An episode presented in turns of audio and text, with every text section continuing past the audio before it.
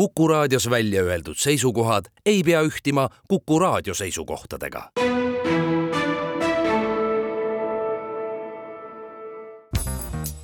järjejutt.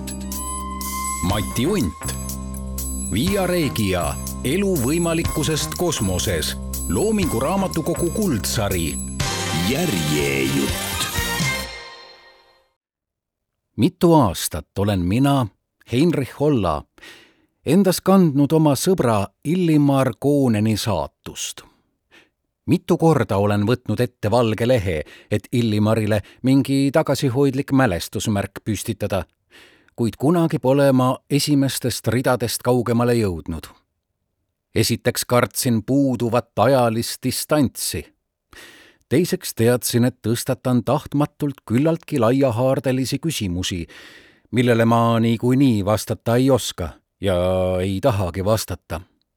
ning kolmandaks kõhklesin debüteerida meie praeguse kirjanduse küllalt rafineeritud pildis. ja neljandaks ei teadnud ma ega tea siiamaani, kuivõrd olen ma võimeline teist inimest mõistma ja läbi nägema ja armastama. ma tunnen Illimar Koonenit esimestest koolipäevadest peale meil on palju ühiseid mälestusi ja ma olin ka tunnistajaks tema loo lõppvaatusele. ehkki ma loomulikult kõikjal juures ei viibinud, tean paljut tema jutustuste kaudu ja lõpuks on mul ju õigus puuduvaid osi analoogia alusel juurde fantaseerida, pidades võimalikku eksimust tühiseks selle kohustuse kõrval, mida tunnen Illimari vastu. ehkki ta oma alanduses edasi elab oleks ta justkui sureva Hamletina andnud mulle ülesande temast maailmale tõtt rääkida. usun ka, et möödunud aasta jooksul olen endas leidnud krambivabama hoiaku oma õnnetu sõbra suhtes ja ma püüan algusest peale vältida nii võimalikku pühaduse rüvetamist kui ka võimalikku liigülistamist, sest Illimar Koonen polnud ei saatana ega ka jumala käsilane. mu teel on teisigi karisid, milles ma enda arvates küllaldaselt teadlik olen. kas või see, et teatud ringkondades peetakse Illimar Koonenit süütuks ohvriks kunstialtarile ja samal ajal püütakse teda välja mängida kogu kahekümnenda sajandi kuuekümnendate aastate kunsti vastu. on ka inimesi, kes ütlevad, et Illimar Koonen oli lihtsalt rumal ja tema lõpp täiesti seaduspärane. esiteks ei taha ega suuda mina rünnata kahekümnenda sajandi kuuekümnendate aastate kunsti kogu selle rikkuses, mitmepalgelisuses ja vastuolulisuses. teiseks olen ma ikkagi nii palju Schweizeri austaja, nagu iga ennast humanistiks lugev inimene meie ajal austab iseäranis neid mehi, kelle tegevus veel tänapäevalgi on internatsionaalse mastaabiga. Schweitzer, Bruck, Menuhin. et ma ei saa rahulikult kuulata ükskõik missuguse inimese õnnetu saatuse õigustust ükskõik kui kaunitel või välja kujunenud kaalutlustel pärast niisugust eessõna võikski sõna anda Illimarile? ei, tema loole ja võtta endale õigus toimuvat kommenteerida vastavalt oma maitsele, maailmavaatele ja temperamendile, sest ma olen lihast ja verest jutustaja ja mitte mingi Becketi puhas absoluutne hääl, kes aina jutustab ja jutustab, tuues teateid ei kuskilt, ei kuskile Illimar Koonen sündis mõned aastad pärast sõda ühes Kesk-Eesti alevis, kus elas paar tuhat inimest. enne kooli mina teda ei tundnud. ka esimeses klassis jäi ta mulle täiesti silmatorkamatuks poisiks. on meeles, et ta käis roheliste treeningupükstega nagu minagi, oli minust veidi paksem, oli ainus laps perekonnas nagu minagi. mäletan teda justkui hetk-võtetel poole sammu pealt, trepil, pöördumas.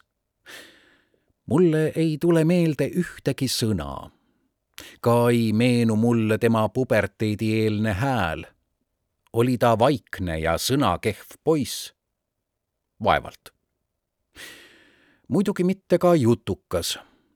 küllap umbes niisugune nagu kõik. Miskipärast mäletan ma teise või kolmanda klassi poisse vahetunnil õues kevadpäikese käes puukuuri nurga taga. Lähedal oli ka käimla, kust kostis tüdrukute itsitamist mäletan mingit ebatsensuurset sõna, mis poiste seast kostis ja mida ma tookord esimest korda kuulsin. mis sõna see oli, ei mäleta. ja ma ei saa aru, miks ma seda tühist juhtumit meenutan seoses Illimar Kooneniga. Sest ma tean, et ütleja polnud tema ja ma ei mäleta mingit meeldejäävat reaktsiooni tema poolt.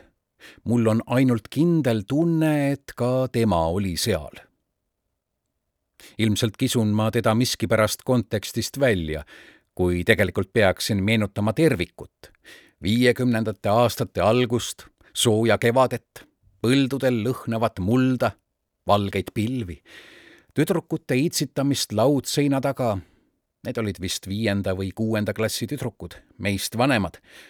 all orus voolavat jõge, gruppi provintsilapsi enne matemaatikatundi ropendamas. kõik see oli, kuid ka Illimar oli, tean seda kindlasti. just lapsepõlvest rääkides ei tohiks Illimar Koonenile midagi juurde fantaseerida. Lapsepõlve andmed olgu usaldatavad, ehkki napid pean muidugi valvama, et mitte omaenese emotsioone kasvava poisi maailmapilti Illimar Koonenile peale suruda. minu enda huvid olid algusest peale humanitaarsed, kui nii suurejooneliselt tohib nimetada elavat lugemishimu. kas ka Illimar oli selline? Kardan vastata, sest mulle tundus, et oli küll, aga võib-olla ainult tundus ma tean näiteks, et lisaks kirjandusele huvitas teda ka loodusteadus ja ta toimis tihti nii, kuidas vastavad instruktsioonid ette nägid. pidas ilmapäevikut, jälgis loomade käitumist, uuris bakterite elu. mina olen ka tema herbaariumi näinud. Mäletan tema erutatud kõnelusi loodusest ta teadis palju merepõhja loomade elust. eriline huvi oli tal haide, elekterkalade ja kaheksajalgade vastu. ta oleks neid nagu kunagi näinud. ehkki ma teadsin, et ta polnud siis veel isegi pealinnas käinud. taimedest otsis ta kõige kirglikumalt neid, mida nimetas Eesti orhideedeks.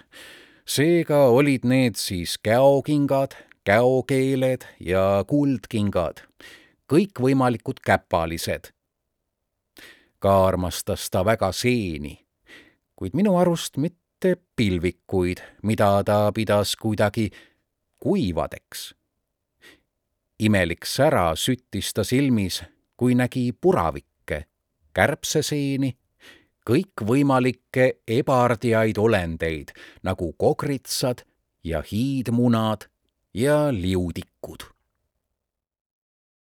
minu teada ei teinud ta kunagi loomadega katseid, nagu tema kaaslased noorte loodussõprade ringis tegid. ma ei tea, et ta kunagi mõnd looma oleks tapnud. Neid imetles ta eemalt. koerale eelistas ta kassi, lambale siga, lehmale hobust, ussikesi ja põrnikaid liblikatele ja kärbestele kalade liikumist akvaariumis, nende äkilisi pöördeid ja äkilist tardumist, nende hiilimist vesikasvude vahel võis ta tundide kaupa jälgida, kuid ise ta kala ei söönud. eriti jälestas praetud kala, ainult mõnikord maitses tomatikastmes konservi. Kõige selle kõrval jõudis ta päris hoolsalt õppida. kadestasin teda mõnikord juba kuuendas klassis teadis ta öelda, et muusikast meeldivad talle kõige rohkem Berliozi fantastiline sümfoonia ja Mahleri Laul maast. ta oli alevi kohta erakordselt kultuurne, kultuursem kui mina. Alguses väljendus mu kadedus paaris labases väljaastumises. Kuid kord, kui ma endalegi arusaamatult ütlesin talle teiste ees, et küllap ta vanemad on õpetajad ära ostnud, kust muidu need head hinded, lõi ta mind äkki. Ja nii tugevasti, et ma selili põrandale lendasin. ei varem ega hiljem pole ma kuulnud, et ta oleks kedagi löönud ja tema kõrvakiil oli sellepärast nii tugev, et tal polnud kogemusi ja ta ei osanud oma jõudu hinnata. pärast seda juhtumit olime kaks-kolm aastat väiklast viha täis. meil oli mõlemal hea meel, kui teisel halvasti läks ja ehkki me ise enam ei kakelnud, püüdsime ometi üles ässitada füüsiliselt hästi arenenud kuid lihtsameelsema mõtlemisega õpilasi, et need meie eest midagi halba teeksid. meie lähenemine toimus alles pärast seda, kui ma hakkasin imetlema Illimari julgust. kui sain aru, et Illimaris on peidus tõsised anded, mida mul pole õigust halvustada. mulle avaldas suurt muljet, kuidas Illimar koolilaval esines. mina poleks surmaähvardusel lavale minna julgenud, aga tema mängis juba viiendas klassis küllalt suuri osi. üks etendus on mul väga hästi meeles. mängiti tollal väga populaarset lastenäidendit Kassimaja. see lõpeb muide suure tulekahjuga. mäletan, et seal mängis kaasa ka Illimar Koonen. kuid keda mängis, ei tea küllap üht looma. kõige rohkem ongi mul meeles see tulekahju, täpsemalt see hetk, kui lavale ilmus elus tuli. lapsi ja lastevanemaid täis tuubitud umbse saali ees oli lava ja laval realistlikult kujutatud koloniaalstiilis maja, kassi eluase aknad polnud küll klaasist, vaid õhukesest marlist. ei tea, kas siis tollal täiesti mõistetava kokkuhoiu või ohutustehnika mõttes. saatuslike sündmuste haripunktil ilmus marliakna taha maja sisemusse käsi, mis lehvitas elusat tulelonti arvan, et see lehvitaja oli mõni õpetaja, sest vaevalt tuld laste kätte usaldati olen peaaegu kindel, et tuld lehvitas matemaatikaõpetaja. niisiis, majas põles elus tuli. häirekellad helisesid ja loomakesed, Illimar Koonen nende hulgas, kiljusid surmahirmus. siiamaani ei tea ma, kuidas tuletõrjuja seda lubas. kuid võib-olla polnudki koolis tuletõrjujat. sest kes teab kui palju neid üldse linnaski tollal oli ja kes teadis näitemängust midagi karta. vaatasin ringi. paljud lapsed pärisid emadelt toimuva kohta aru. lapsed oleksid nagu instinktiivselt kartnud, samal ajal kui vanemad inimesed olid pimeda kunstielamuse küttkeis, huulil leebe naeratus. oo aegu ammuseid. Those were the days hiljem olen teatrites märganud palju tuletõrjujaid. kui tutvused ja asjaajamised on mind lava taha viinud, olen neid ikka märganud urgastest ja käikudest ilmumas ja taas kadumas. olen kuulnud, kui tuleohtlikuks nad teatrit peavad. päris laval ei tohi vist küünaltki põletada, otse kui oleks ka õhk plahvatusohtlik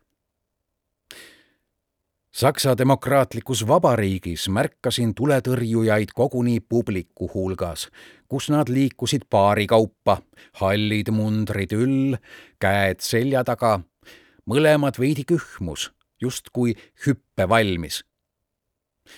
Potsdami Hans Otto teatri jalutusruumis nägin isegi meest, kellel oli punase ristiga käeside ja esmaabikott valvsalt ootas see mees oma tundi keset kunsti nautivat ja kunstiga koketeerivat seltskonda. kuid naaseme nüüd oma alevisse. juhtus nii, et Illimari survel astusin minagi kord oma elus lavale. tegemist oli kõnekooriga. kanti ette mingi pikk poeem, mis ülistas riigi erinevaid alasid mulle kui debütandile usaldati repliik See Uraal on, teda rahvas hüüab Arsenal. ma harjutasin seda lauset kodus lõputu arv kordi. ei olnud hea tunne lavale minna. ometi seisin õhtul seal, kõrge lae all, kõnekoori viimases reas. ka mu ema oli saalis. olin intellektuaalselt üle pingutanud, ei märganudki, kui minu järjekord kätte jõudis. õpetaja sosistas, ütles ette, kuid mina vaatasin klaarsistunud silmadega tühjusse. lõpuks müksas keegi mulle külge. ütlesin automaatselt, suutmata teksti kõlama panna, seda läbi tunnetamata. see Uraal on, teda rahvas hüüab Arsenal. Ma olin kaua kõhelnud kumba sõna rõhutada, kuid nüüd läksin labasele kompromissile ja rõhutasin võrdselt nii rahvast kui ka arsenali, mis andis mu fraasile mingi diletantliku püüdlikkuse ilme. küll ikka pärast oli häbi. ent Illimar Koonen, minu silmis juba peaaegu teatritegelane, ei näidanud oma üleolekut mitte kuidagi välja pigem vastupidi, oli lausa taktitunde kehastus. ja nii saigi see minu keskpärane esinemine kuulilaval meie lõpliku leppimise ajendiks. suurteks sõpradeks ei saanud me kunagi, kuid sõprade vaesel ajal võis meid vabalt sõpradeks nimetada. Säilitasime juba algkoolist peale teatava vastastikuse respekti, mingi peenetundelise võõristuse, mis mõjus väärikalt aristokraatlikuna. tõelist teatrit saime tollal väga vähe näha. televisioon tegi esimesi samme ja teatrid andsid meil külalisetendusi küllalt harva. Mäletan, et ühel sügisel tuli Alevisse teater Tee linnast minule etendus ei meeldinud.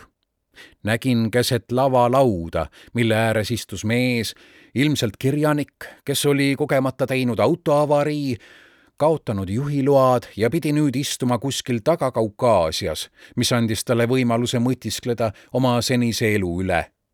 pruut tõi talle kohvi ja hellitas teda, kuid Illimar Koonen ütles mulle hiljem, et see polnud pruut, vaid ema ja veel ütles ta, et laua taga ei istunud mitte kirjanik, vaid pätt, kes purjuspäi oli inimese alla ajanud. ilmselt polnud ma millestki aru saanud. kuid just neil aastatel olid populaarsed näidendid, kus kõik jäi nagu pooleli, lahtiseks, kus nagu õieti midagi ei juhtunud ja kus kõik tegelased olid korraga nii head kui ka halvad mulle ei meeldinud sellised näidendid. ma ei armasta dedramatiseerimist. veel rohkem, ma olen seda alati vihanud. muidugi, see nulldramaturgia oli reaktsioon eelmistel aastatel valitsenud melodramaatilisele mustvalge tehnikale, kuid mis see luges mulle, kes ma väikeses alevis elasin? teine asi oli Illimar Kooneniga sest tema mõistis teatrit juba siis hoopis teisiti kui mina. kuidagi orgaanilisemalt, tõelisemalt. ise alles seitsmendas klassis, aga juba juhtis ta mu tähelepanu meeleolule ja peaosalise mängu siirusele. Ühepalju olime teatrit näinud, mõlemad kaks-kolm korda kinos polnud meil lubatud käia, välja arvatud lastefilmid, neid olime ehk viis-kuus näinud. peale selle kuuldemängud. ja tema teadis juba, mis on temporütm ja siirus. alles hiljem sain ma aru, et ta luges sel ajal hoolega teatriteoreetilist kirjandust ka Stanislavski Minu elu kunstis oli tal tollal läbi loetud ja mina ei aimanudki seda nelikümmend kilomeetrit meie alevist oli rajoonilinn T. sinna läksime meie Illimariga, et keskkoolis edasi õppida. see üleminek polnud kerge, sest erinevates linnades on erinevad nõudmised, mis siis veel rääkida poistest, kes Alevist rajoonilinna tulevad olime kodukohas olnud head õpilased, kohati isegi väga head. uues koolis aga langesid meie hinded kohe. mina pidin esimese õppeveerandi lõpul matemaatikas peaaegu kahe saama. hädavaevu õnnestus see nõrgaks kolmeks kohandada. Ka ei vastanud meie riietusnõuetele, sest just tol ajal toimus esimene tõeline moerevolutsioon, mis ka meie maale jõudis arusaadavatel põhjustel kõigepealt pealinna, siis suuruselt järgnevatesse, ka rajoonilinnadesse ja alles lõpuks alevitesse ning maale. me saabusime rajoonilinna just sel ajal, kui uus mood, mis nõudis kitsaid pükse ja pannaldega tuulepluuse, aga ka paksu tallaga kingi ning barette, oli juba rajoonilinnades küllaltki levinud alevites, aga veel mitte eriti laialt. ehkki meie püksid polnud enam päris laiad ja ärattasid maapidudel tähelepanu oma kitsusega, olid nad rajoonilinna jaoks juba vanamoodsad ja ärattasid tähelepanu just laiusega. küllap mõjus see kaudselt meie õppeedukusele samal ajal jõudis kätte puberteet ja me hakkasime tahes või tahtmata pöörama tähelepanu tüdrukutele. ka see mõjus õppeedukusele. armuasjades olime mõnevõrra erinevad. Mina olin lootusetult, mulle tundus nii, armunud ühte oma klassi tüdrukusse, kes oli silmatorkavalt ilus. ka see tundus mulle nii kuid ma ei osanud oma tunnetest märku anda. minu käitumises valitses siiras, ent väliselt peaaegu maneerlikkuseni küündiv häbelikkus ja ma püüdsin kõik oma ihalused panna oma pilku. Ent ehkki silm on hingepeegel, nagu teatriteooriaski öeldakse, ei tee paljalt silmaga ei elus ega laval midagi ära. Teatris pole silmad kaugemale näha kui kümnesse esimesse ritta ja ega nad eluski palju kaugemale paista. nii elus kui ka teatris on lisaks vaja žeste, miimikat ja eelkõige tegutsemist, aktiivsust, välist kunstilist vormi, tihendatumat, isegi liialdatumat kui tavalises olukorras. tüdrukule minu pilk ei mõjunud. aga talle ei mõjunud üldse miski ja mitte keegi, sest ta oli veel liiga noor. tema tundeelu oli alles embrüonaalses seisundis. seni, kuni hiljem ootamatult mehele läks hoopis teine lugu oli Illimar Kuuneniga ta hakkas peatselt käima ühe vanema tüdrukuga ja käis ja käis väga tõsiselt. Eesti keeles öeldakse armuvahekorra kohta tihti käis. ja nii ka Illimar käis selle sõna otseses mõttes. Vähemalt mulle tundus nii, sest nad tulid mulle pidevalt vastu, läksid kinno ja tulid sealt, läksid jalutama, jalutasid, tulid jalutamast. Nad olid ikka liikvel. tüdruk tõsine prillidega, peaaegu küps naine. mina ei tea täpselt, mis nad kahekesi olles tegid ja oleks ehk ebasoliidne seda siin kirjeldada, kuid võin mainida ainult nii palju, et nad ei läinud mehena ja naisena eriti kaugele. õigemini öeldes ei jõudnud kuhugi. küllap oli tüdruk liiga küps, et kergemeelselt käituda nii arvasin ma seda paari nähes. Esimesel linnakooli aastal käis Illimar veel noorte loodussõprade ringis, uuris kaktusi ja söötis aksolotleid, kuid ta huvi näis üha vähenevat.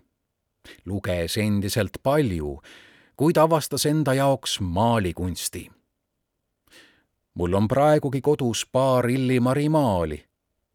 üks nendest kujutab Aguli tänavat kuuvalgel.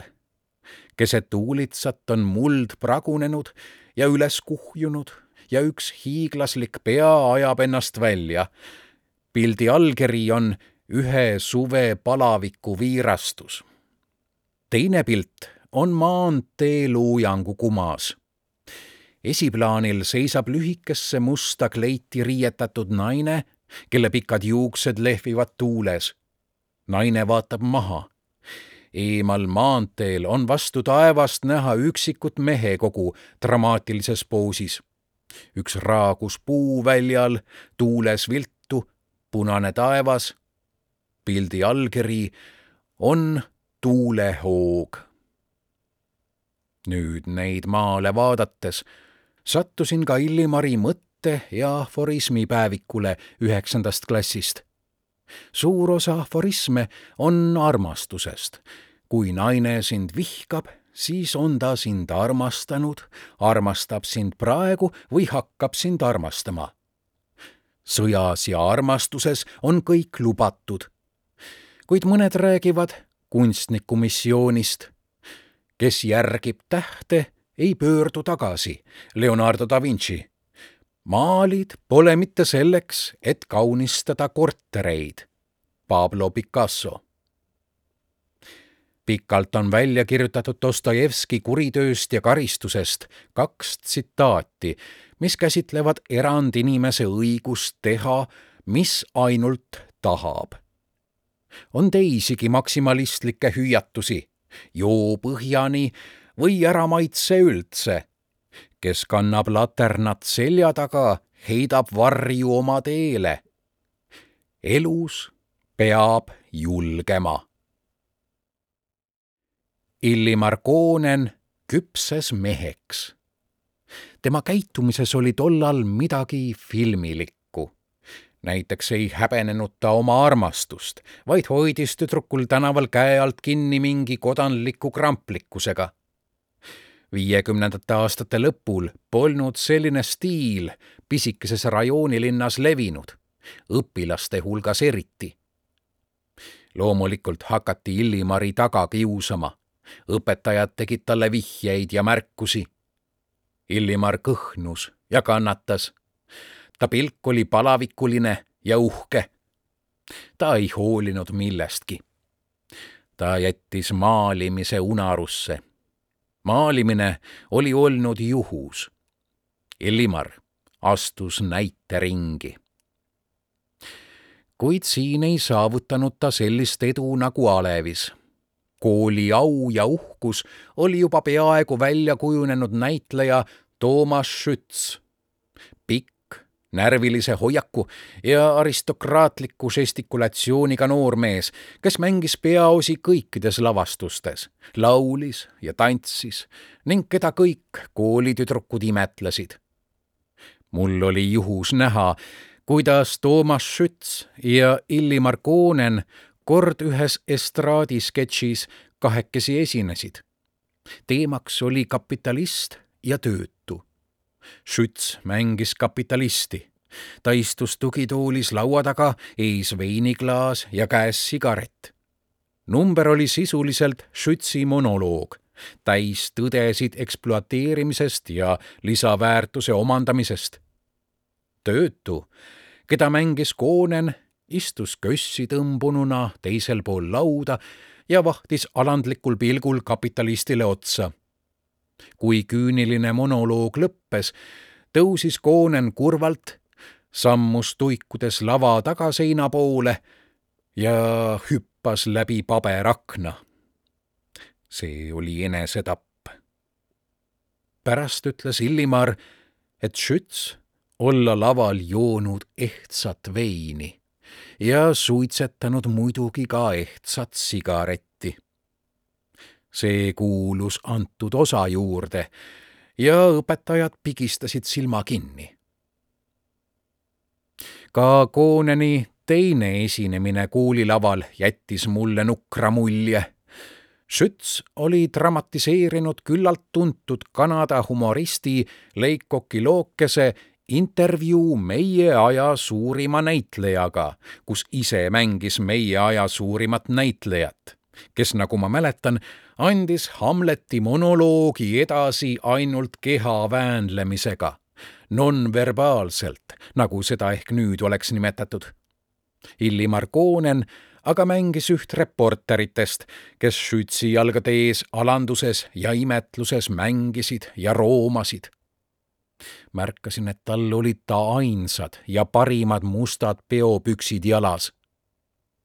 Pikkamööda sai Illimar Schütziga isegi lähedasemaks kui minuga sidusid neid ju ühised huvid ja imetlus, mida Schütz oma viimistletud käitumise ja omapärase huumoriga esile kutsus.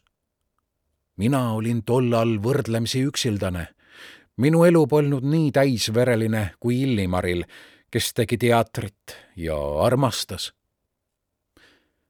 Mida võiksin ma täpsustamise mõttes öelda oma tollase tegevuse kohta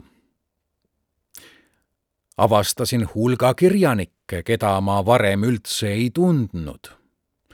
Maerink, Strindberg, isegi H.H. Ivers, aga ka Dostojevski ja Žid. moes oli tollal Hemingway, peamiselt küll läbi vene keele ja kultuuri, ka Remark ja noored venelased Aksjonov ja Jevtušenka. lugesin Hemingway'd küll palju kuid mind kiskus ikkagi rohkem saksa kultuuri poole, kus mind ahvatles teatud massiivsus ja raskepärasus, mis kokku oli ometi täiuslik. pean eelkõige silmas romantismi ja kahekümnenda sajandi kahekümnendaid, kolmekümnendaid aastaid. mäletan, et mulle meeldis Feuchtwange, välja arvatud Koia, mis oli just Illimari lemmikraamat kes aga minu arust sealt välja luges demonismi, mida seal tegelikult ei olnud. kuid ma kaldusin kõrvale. moekirjanike nimed on vaid osa kultuurikroonikast, ei muud. peaksin pigem jutustama sellest, kuidas Illimar mind Schützi juurde kaasa kutsus näitleja maja asus Agulis ühel porisel tänaval vanade puude all tõusime mööda krigisevat treppi teisele korrusele. korteris oli Schützile eraldatud väike, kuid hubane tuba. helesinisel tapeedil olid mõned reproduktsioonid Holbeini surmapiltidest ja Jericho Meduusa parvest. seinal oli ka Schützi enda portree Paalini looming, mis kujutas Schützi arlekiinide ja Pierrot'e tantsuringi keskel, käes plakat Teatrum Mundi riiulitel oli raamatuid balletikunstist ja ajakirjad Teater. laual oli Molieri prantsuskeelne valik, kõrval kõrge klaas külma piimaga. põrandat kattis paks sinine vaip. Vaibal oli avatud trigonomeetria õpik. mis aga kõige rohkem silma torkas kahtlemata kirjutuslaual seisev suur makett teater. lavaaugust umbes nelikümmend korda viiskümmend sentimeetrit paistis imaginaarse etenduse dekoratsioon. Schütz ütles, et ta oli ise selle valmistanud. Nägime terrassi valgete skulptuuridega, muusad, palmidega, taamal hele loss, silmapiiril meri, merel purjekas kogu see maastik oli paberist välja lõigatud. Schütz lülitas sisse lava taha peidetud pirni. kollakas valgus ujutas üles tanniolpalmid ja liikumatu mere. Lossi paberfaktuur tuli äkki ilmsiks. see maailm oli kahtlane, aga ta oli olemas kui seal toimus nähtamatu etendus, siis toimus see muusikasaatel ja selles mängisid elegantsed näitlejad, kelle nimesid me ei teadnud. Illimar Koonen kummardus ja vahtis lavaauku nagu omal ajal akvaariumi, kus luursabad ringi tantsisid. Käega katsutav, habras, tulele aldis teater tegi ta tummaks Toomas Schütz aga oli juba tegevuses. ta närvilised sõrmed tõmbasid ümbrisest plaadi. The immortal art of Fritz Kreisler. ta lülitas sisse poolhämaruse ja pakkus sidruniga teed. olime siis kümnendas klassis. kuulasime muusikapala tema hapras võlus. nurgas aga ahvatles meid paberis teater. mind võeti ka päris teatrisse tihti kaasa. piletid muretses alati keegi Ülo, ühe teatritöötaja poeg. Schütz ja Koonen tundsid näitlejaid isiklikult. Schütz isegi rääkis nendega, kuna meie Illimariga tagasihoidlikult eemal seisime tihti keeldusin ma teatrisse minemast. mitte küll sellepärast, et ma oleksin koos Maupassant'iga võinud öelda, et le théâtre m'ennuie, teater on mulle igav, vaid sellepärast, et pidin peaaegu kümnendasse klassi istuma jääma ja ma lausa sundisin ennast algebraga tegelema. Illimari hoiak muutus, kõnnaks samuti ja ta kandis nüüd baretti ning triibulist salli kuid polnud midagi parata. Schütz oli sündinud teatriinimene. kui painduvad olid üksnes tema sõrmed. Koonen aga siiski vaid tema ülipüüdlik õpilane. kaua Schütz mu sõbra elukäiku ei mõjutanud kahe aasta pärast lahkus ta Eestist ja hakkas esinema rahvusvahelistel turneedel konverantsieena see oli tähelend. nii noorena seista meistrite kõrval. paljud ei uskunud seda algul, eriti need, kes olid märganud ainult Schützi välist lihvi ega osanud selle all aimata visa töövõimet ta juugendlik hellitatus, ta habras lõtvus olid vaid visaduse ja hoolsuse maskid. Schütz ei pöördunud enam kunagi Eestisse tagasi mõned rääkisid, et ta töötab Moskvas, kuid teised rääkisid mingist legendaarsest rändteatrist Lääne-Siberis, mis esineb raudteejaamades ja jõesadamates. Need olid muidugi ainult kuulujutud, nagu seegi, et Schütz puhkab suviti Võsul incognito meie teadsime ainult seda, et kooli lõpetamisega kadus Schütz meie elust. käisime kohalikus teatris ka pärast seda, kui olime keskkooli lõpetanud. mis mulle sealt meelde jäi? mäletan Eesti klassiku Tammsaare teose Tõde ja õigus neljanda osa lavastust. seal oli juttu noore kodanliku Eesti tõusikutest ja ühest abielupaarist, kes nende tõusikute seas liikus mees käib tööl, naine aga veedab oma aja tühiste seltskonnadaamide keskel. naise vaimset mandumist nägev mees ei oska ometi midagi ette võtta, pigem isegi idealiseerib oma naist. Kuid noorpõlvekompleksid, süümepiinad ja naise üha silmatorkavam koketeerimine võõrastega viivad mehe nii kaugele, et ta naise afektiseisundis maha laseb kihutades naise suunas terve pidemetäie kuule. mees oli terve etenduse vältel väga sünge. väga palju oli seltskonnadaamide frivoolseid vestlusi. Värskendav oli, kui tegelane tigedalt karjus töö, töö ja tagus rusikaga vastu lauda.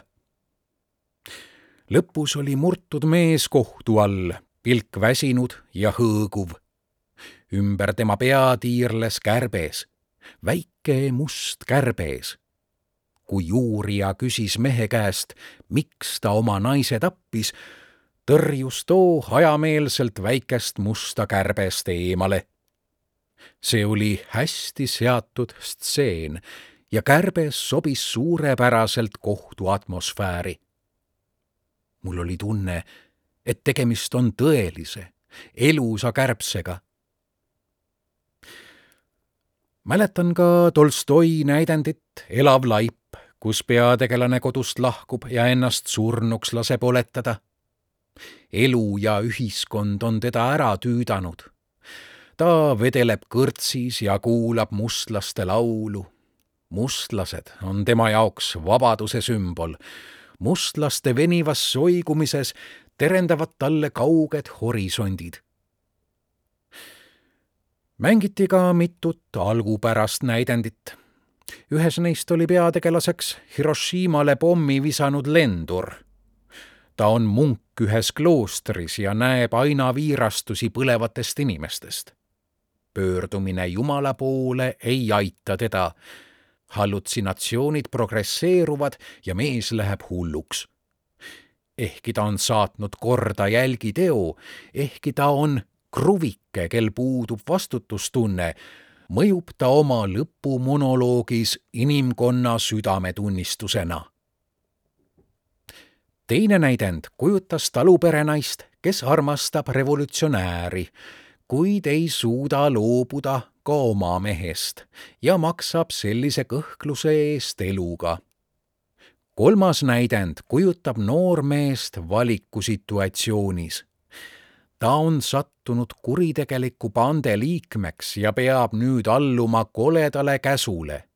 ta peab aitama tappa oma pruuti, kuna see on juhuslikult sattunud bande saladustele ja võib nüüd kõik üles anda.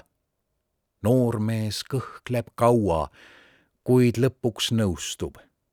ta viibki oma pruudi hukkamiskohta, kuid juba on kohal miilits ja püssipaukude saatel sulgub eesriie. mul on tunne, et mängiti ka Shakespeare'i Hamletit uuest kandist lähtudes. ilmselt oli tegemist mingi pideva ajalise nihkega, justkui faasinihkega. prints ei saa midagi õigel ajal tehtud, teeb kõik veidi hiljem kui seda enam kellelegi tarvis ei ole. siis aga astusime mõlemad ülikooli kirjandust õppima.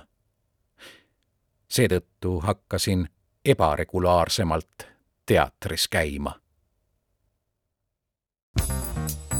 järjejutt. Mati Unt, Via Regia elu võimalikkusest kosmoses, Loomingu Raamatukogu kuldsari järjejutt